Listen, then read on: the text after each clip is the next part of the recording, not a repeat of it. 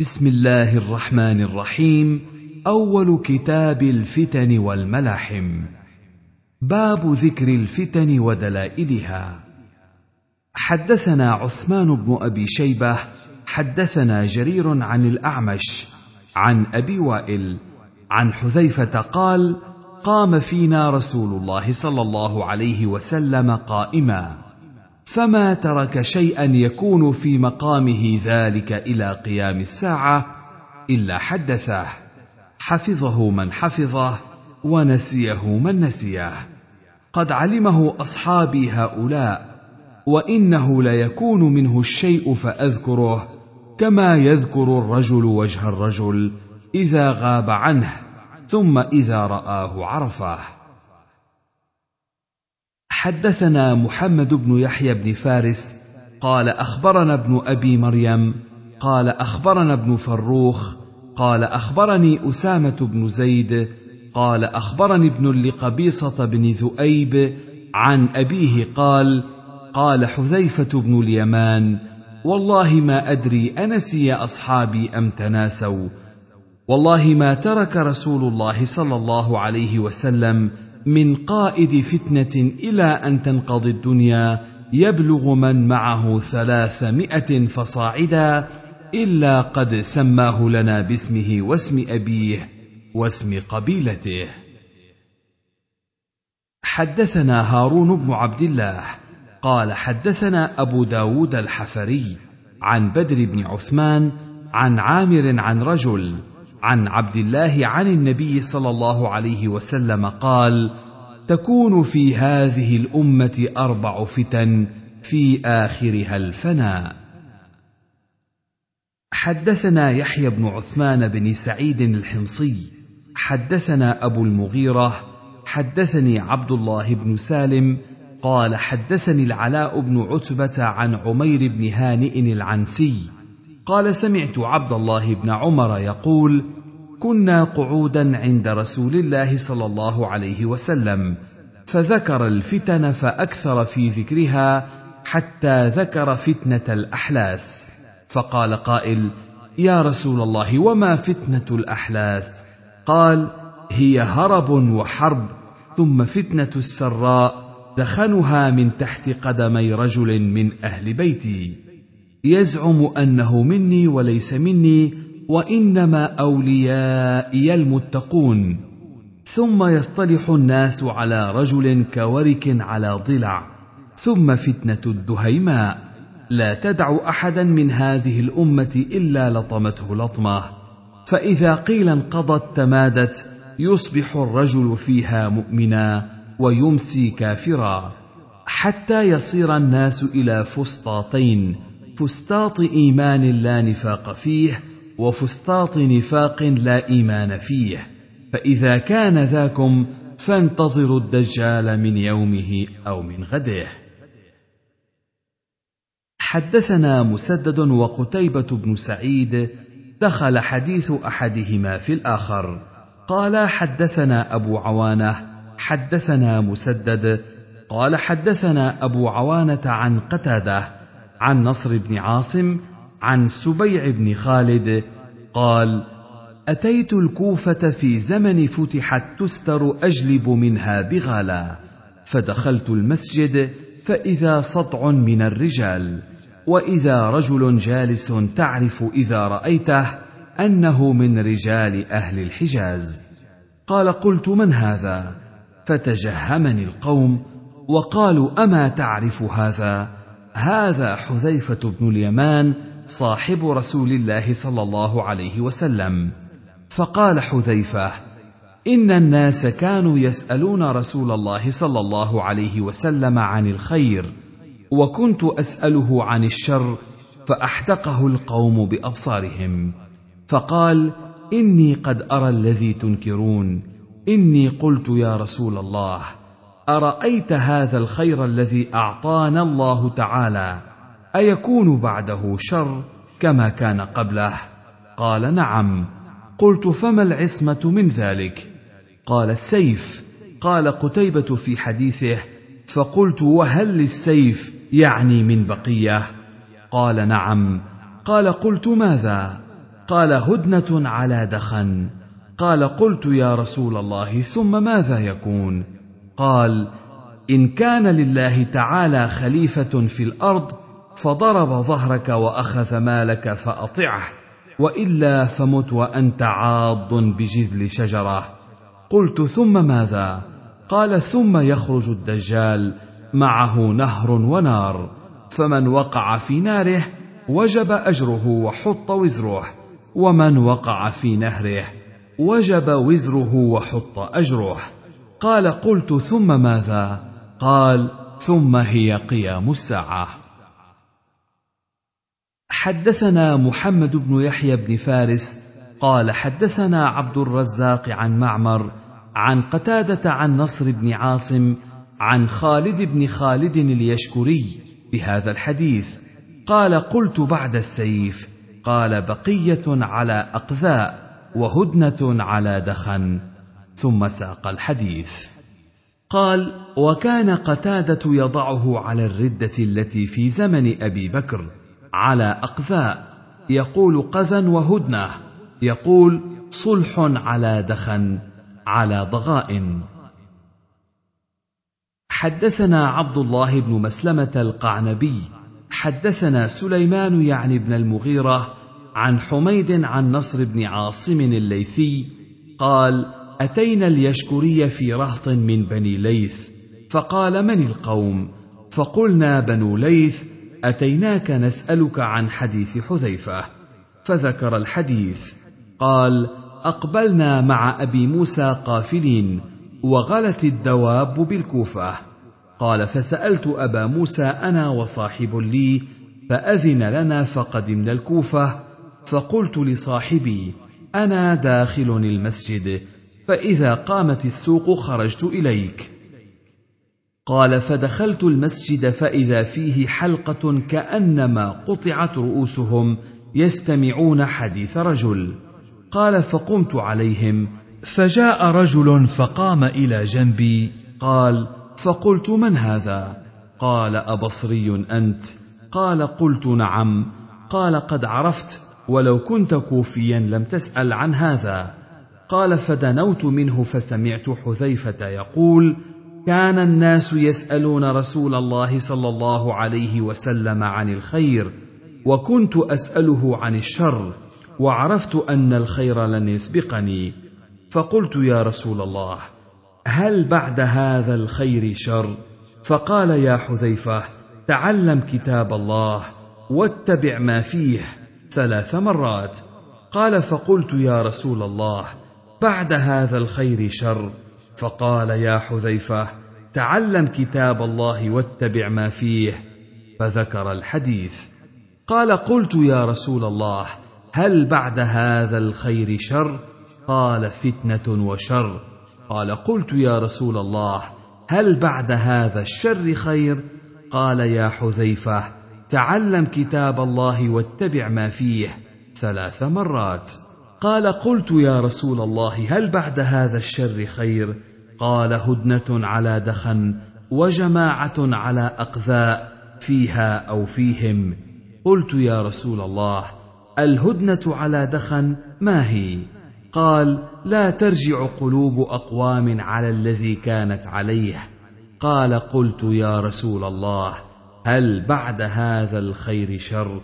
قال فتنة عمياء صماء عليها دعاة على أبواب النار. فإن تمت يا حذيفة وأنت عاض على جذل خير لك من أن تتبع أحدا منهم. حدثنا مسدد حدثنا عبد الوارث حدثنا أبو التياح عن صخر بن بدر العجلي عن سبيع بن خالد بهذا الحديث عن حذيفة عن النبي صلى الله عليه وسلم قال فإن لم تجد يومئذ خليفة فاهرب حتى تموت فإن تمت وأنت عاض. وقال في آخره قال قلت فما يكون بعد ذلك؟ قال لو أن رجلا نتج فرسا لم تنتج حتى تقوم الساعة. حدثنا مسدد حدثنا عيسى بن يونس حدثنا الأعمش عن زيد بن وهب عن عبد الرحمن بن عبد رب الكعبة عن عبد الله بن عمرو. أن النبي صلى الله عليه وسلم قال من بايع إماما فأعطاه صفقة يده وثمرة قلبه فليطعه ما استطاع فإن جاء آخر ينازعه فاضربوا رقبة الآخر. قلت أنت سمعت هذا من رسول الله صلى الله عليه وسلم؟ قال سمعته أذناي ووعاه قلبي. قلت هذا ابن عمك معاوية؟ يأمرنا أن نفعل ونفعل. قال أطعه في طاعة الله وأعصه في معصية الله.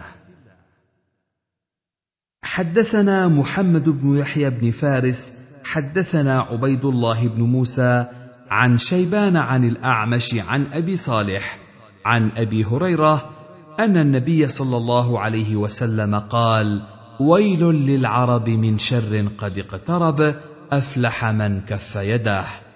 قال أبو داود حدثت عن ابن وهب قال حدثنا جرير بن حازم عن عبيد الله بن عمر عن نافع عن ابن عمر قال قال رسول الله صلى الله عليه وسلم يوشك المسلمون أن يحاصروا إلى المدينة حتى يكون أبعد مسالحهم سلاح. حدثنا أحمد بن صالح عن عنبسة عن يونس عن الزهري قال وسلاح قريب من خيبر. حدثنا سليمان بن حرب ومحمد بن عيسى.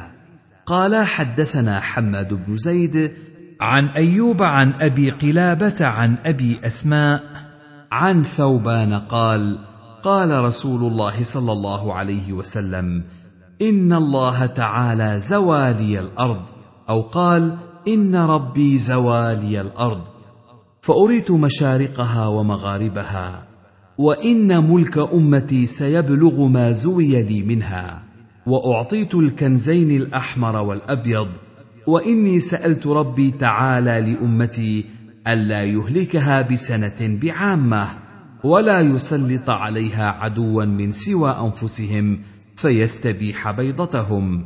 وإن ربي قال لي يا محمد إني إذا قضيت قضاء فإنه لا يرد ولا أهلكهم بسنة بعامة ولا أسلط عليهم عدوا من سوى أنفسهم فيستبيح بيضتهم.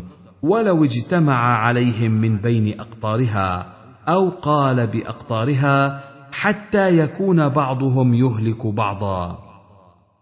وحتى يكون بعضهم يسبي بعضا وإنما أخاف على أمة الأئمة المضلين وإذا وضع السيف في أمتي لم يرفع عنها إلى يوم القيامة ولا تقوم الساعة حتى تلحق قبائل من أمتي بالمشركين وحتى تعبد قبائل من امتي الأوثان وإنه سيكون في أمتي كذابون ثلاثون كلهم يزعم أنه نبي وأنا خاتم النبيين لا نبي بعدي ولا تزال طائفة من أمتي على الحق قال ابن عيسى ظاهرين ثم اتفقا لا يضرهم من خالفهم حتى يأتي أمر الله تعالى. حدثنا محمد بن عوف الطائي حدثنا محمد بن إسماعيل حدثني أبي قال ابن عوف وقرأت في أصل إسماعيل قال حدثني ضمضم عن شريح عن أبي مالك يعني الأشعري قال قلت يا رسول الله إن الله أجاركم من ثلاث خلال ألا يدعو عليكم نبيكم فتهلكوا جميعا وألا يظهر أهل الباطل على أهل الحق وألا تجتمعوا على ضلالة. حدثنا محمد بن سليمان الأنباري قال حدثنا عبد الرحمن عن سفيان عن منصور عن ربعي بن حراش عن البراء بن ناجية عن عبد الله بن مسعود عن النبي صلى الله عليه وسلم قال تدور رحى الإسلام بخمس وثلاثين أو ست وثلاثين أو سبع وثلاثين فإن يهلكوا فسبيل من هلك وإن يقم لهم دينهم يقم لهم سبعين عاما. قال قلت أمما بقي أو مما مضى؟ قال مما مضى. قال أبو داود من قال؟ خراش فقد أخطأ. حدثنا أحمد بن صالح حدثنا عنبسة حدثني يونس عن ابن شهاب قال حدثني حميد بن عبد الرحمن أن أبا هريرة قال قال رسول الله صلى الله عليه وسلم يتقارب الزمان وينقص العلم وتظهر الفتن ويلقى الشح ويكثر الهرج. قيل يا رسول الله أيته؟ قال القتل القتل. باب النهي عن السعي في الفتنة. حدثنا عثمان بن أبي شيبة حدثنا وكيع عن عثمان الشحام قال حدثني مسلم بن أبي بكرة عن أبيه قال قال رسول الله صلى الله عليه وسلم إنها ستكون فتنة يكون المضطجع فيها خيرا من الجالس والجالس خيرا من القائم والقائم خيرا من الماشي والماشي خيرا من الساعي. قال يا رسول الله ما تأمرني؟ قال من كانت له إبل فليلحق بإبله ومن كانت له غنم فليلحق بغنمه ومن كانت له أرض فليلحق بأرضه. قال فمن لم يكن له شيء من ذلك؟ قال فليعمد إلى سيفه فليضرب بحده على حرة ثم لينجو ما استطاع النجاه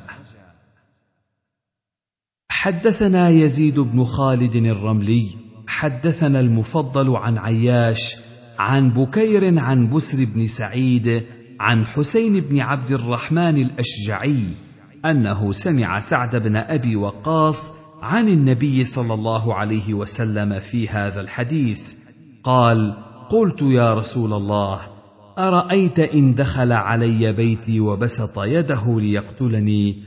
قال فقال رسول الله صلى الله عليه وسلم كن كابن آدم وتلا يزيد لئن بسطت إلي يدك لتقتلني. الآية. حدثنا عمرو بن عثمان حدثنا أبي حدثنا شهاب بن خراش عن القاسم بن غزوان عن إسحاق بن راشد الجزري عن سالم قال حدثني عمرو بن وابصة الأسدي عن ابيه وابصه عن ابن مسعود قال سمعت النبي صلى الله عليه وسلم يقول فذكر بعض حديث أبي بكره قال قتلاها كلهم في النار. قال فيه قلت متى ذاك يا ابن مسعود؟ قال تلك أيام الهرج حيث لا يأمن الرجل جليسه. قلت فما تأمرني إن أدركني ذلك الزمان؟ قال تكف لسانك ويدك وتكون حلسا من أحلاس بيتك. فلما قتل عثمان طار قلبي مطاره فركبت حتى أتيت دمشق فلقيت خريم بن فاتك فحدثته فحلف بالله الذي لا إله إلا هو لسمعه من رسول الله صلى الله عليه وسلم كما حدثنيه ابن مسعود. حدثنا مسدد حدثنا عبد الوارث بن سعيد عن محمد بن جحادة عن عبد الرحمن بن ثروان عن هزيل عن أبي موسى الأشعري قال قال رسول الله صلى الله عليه وسلم إن بين يدي الساعة فتنا كقطع الليل المظلم يصبح الرجل فيها مؤمنا. ويمسي كافرا ويمسي مؤمنا ويصبح كافرا. القاعد فيها خير من القائم والماشي فيها خير من الساعي. فكسروا قسيكم وقطعوا أوتاركم واضربوا سيوفكم بالحجارة. فإن دخل يعني على أحد منكم فليكن كخير ابني آدم. حدثنا أبو الوليد الطيالسي حدثنا أبو عوانة عن رقبة بن مسقلة عن عون بن أبي جحيفة عن عبد الرحمن يعني بن سمرة قال كنت اخذا بيد ابن عمر في طريق من طرق المدينة إذ أتى على رأس منصوب فقال شقي قاتل هذا فلما مضى قال وما أرى هذا إلا وقد شقي سمعت رسول الله صلى الله عليه وسلم يقول من مشى إلى رجل من أمتي ليقتله فليقل هكذا يعني فليمد عنقه فالقاتل في النار والمقتول في الجنة. قال أبو داود رواه الثوري عن عون عن عبد الرحمن بن سمير أو سميرة ورواه ليث بن أبي سليم عن عون عن عبد الرحمن بن سميرة قال أبو داود قال للحسن بن علي حدثنا أبو الوليد يعني بهذا الحديث عن أبي عوانة وقال هو في كتابي ابن سبرة وقالوا سمرة وقالوا سميرة هذا كلام أبي الوليد. حدثنا مسدد حدثنا حماد بن زيد عن أبي عمران الجوني عن المشعث بن طريف عن عبد الله بن الصامت عن أبي ذر قال قال لي رسول الله صلى الله عليه وسلم يا أبا ذر قلت لبيك يا رسول الله وسعديك فذكر الحديث قال فيه كيف أنت إذا أصاب الناس موت يكون البيت فيه بالوصيف؟ يعني القبر. قال قلت الله ورسوله أعلم أو قال ما خار الله لي ورسوله قال عليك بالصبر أو قال تصبر ثم قال لي يا أبا ذر قلت لبيك وسعديك قال كيف أنت إذا رأيت أحجار الزيت قد غرقت بالدم؟ قلت ما خار الله لي ورسوله قال عليك بمن أنت منه قال قلت يا رسول الله أفلا آخذ سيفي فأضعه على عاتقي؟ قال شاركت القوم اذا قال قلت فما تأمرني؟ قال تلزم بيتك. قال قلت فإن دخل علي بيتي. قال فإن خشيت أن يبهرك شعاع السيف فألق ثوبك على وجهك يبوء بإثمك وإثمه. قال أبو داود لم يذكر المشعث في هذا الحديث غير حماد بن زيد. حدثنا محمد بن يحيى بن فارس قال حدثنا عفان بن مسلم قال حدثنا عبد الواحد بن زياد حدثنا عاصم الأحول عن أبي كبشة قال سمعت أبا موسى يقول قال رسول الله صلى الله عليه وسلم إن بين أيديكم فتنا كقطع الليل المظلم يصبح الرجل فيها مؤمنا ويمسي كافرا ويمسي مؤمنا ويصبح كافرا. القاعد فيها خير من القائم والقائم فيها خير من الماشي والماشي فيها خير من الساعي. قالوا فما تأمرنا؟ قال كونوا أحلاس بيوتكم. حدثنا إبراهيم بن الحسن المصيصي قال حدثنا حجاج يعني ابن محمد قال حدثنا الليث بن سعد قال حدثني معاوية بن صالح أن عبد الرحمن بن جبير حدثه عن أبيه عن المقداد بن الأسود قال أيم الله لقد سمعت رسول الله صلى الله عليه وسلم يقول إن السعيد لمن جنب الفتن إن السعيد لمن جنب الفتن. إن السعيد لمن جنب الفتن ولمن ابتلي فصبر فواها. باب في كف اللسان. حدثنا عبد الملك بن شعيب بن الليث حدثني ابن وهب حدثني الليث عن يحيى بن سعيد قال قال خالد بن أبي عمران عن عبد الرحمن بن البيلماني عن عبد الرحمن بن هرمز عن أبي هريرة أن رسول الله صلى الله عليه وسلم قال ستكون فتنة صماء بكماء عمياء. من أشرف لها استشرفت له وإشراف اللسان فيها كوقوع السيف. حدثنا محمد بن عبيد حدثنا حماد بن زيد. قال حدثنا ليث عن طاووس عن رجل يقال له زياد. عن عبد الله بن عمرو قال قال رسول الله صلى الله عليه وسلم إنها ستكون فتنة تستنظف العرب قتلاها في النار اللسان فيها أشد من وقوع السيف. قال أبو داود رواه الثوري عن ليث عن طاووس عن الأعجم. حدثنا محمد بن عيسى بن الطباع. حدثنا عبد الله بن عبد القدوس قال زياد سيمين كوش. باب الرخصة في التبدي في الفتنة.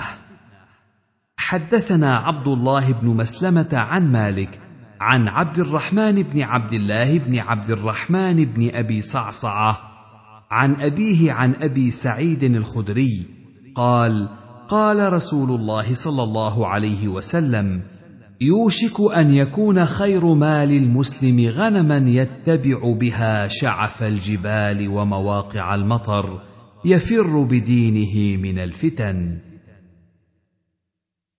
باب النهي عن القتال في الفتنة.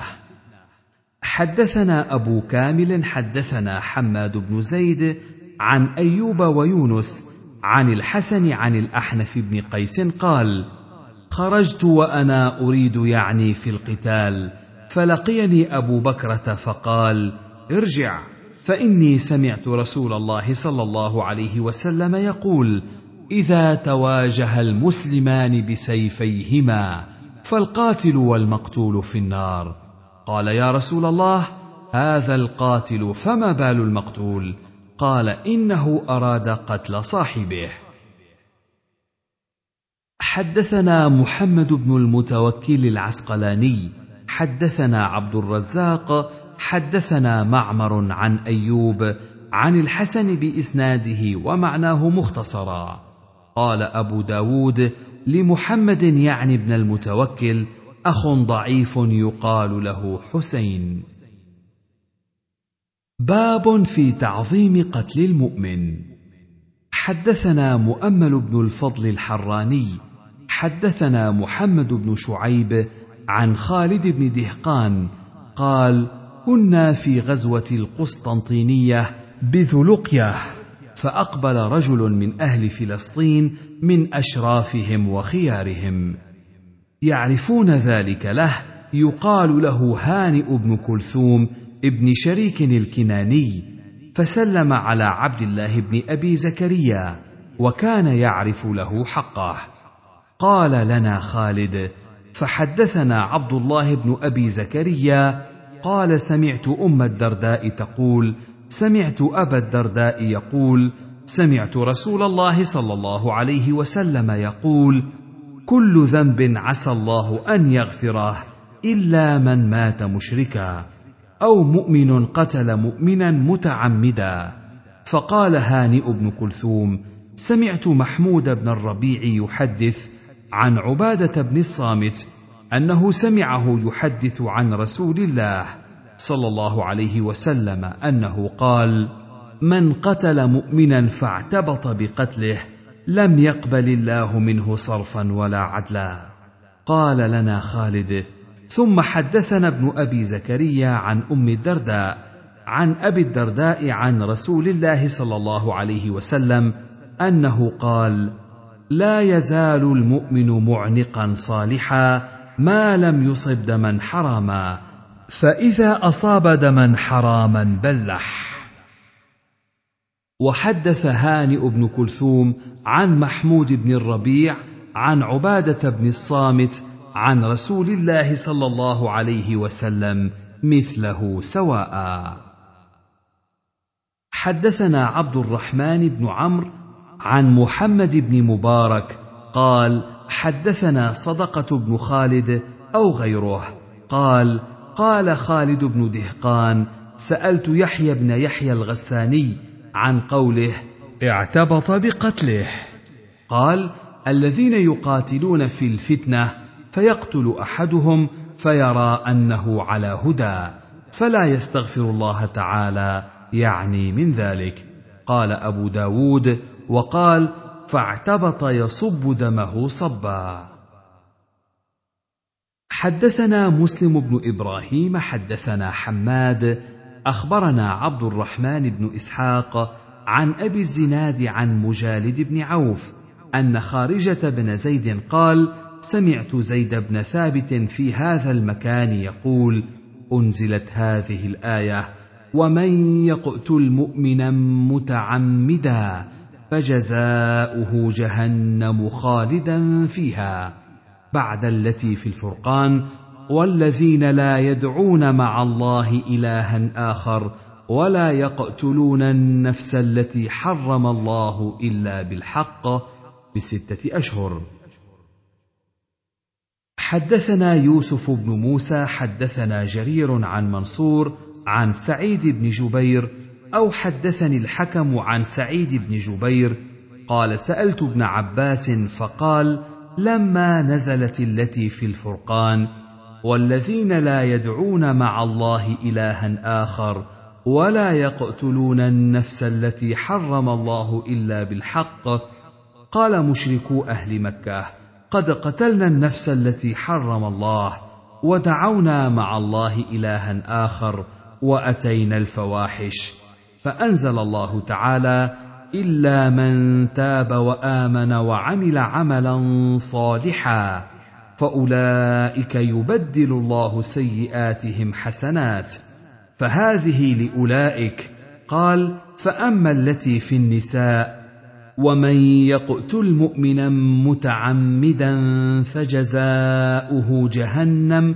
الآية قال الرجل إذا عرف شرائع الإسلام ثم قتل مؤمنا متعمدا فجزاؤه جهنم فلا توبة له.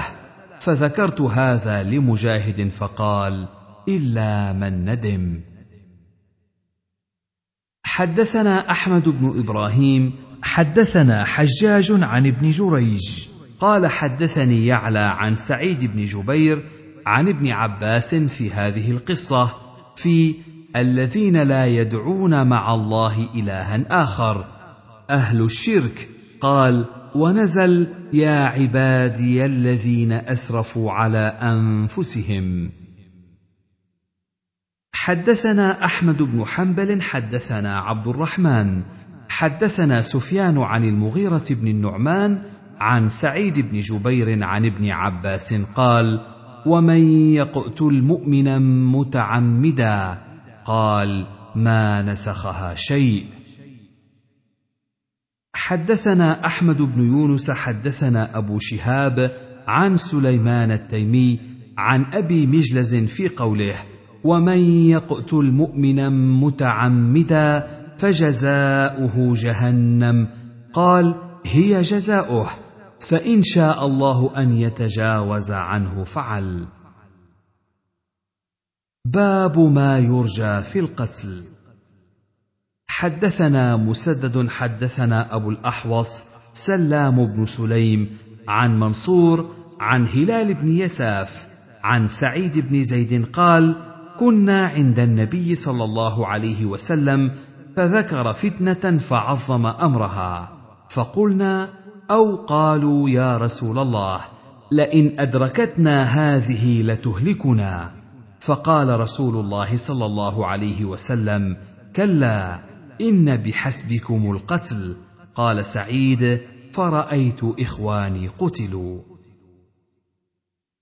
حدثنا عثمان بن أبي شيبة قال حدثنا كثير بن هشام حدثنا المسعودي عن سعيد بن أبي بردة عن أبيه عن أبي موسى قال قال رسول الله صلى الله عليه وسلم أمتي هذه أمة مرحومة ليس عليها عذاب في الآخرة عذابها في الدنيا الفتن والزلازل والقتل.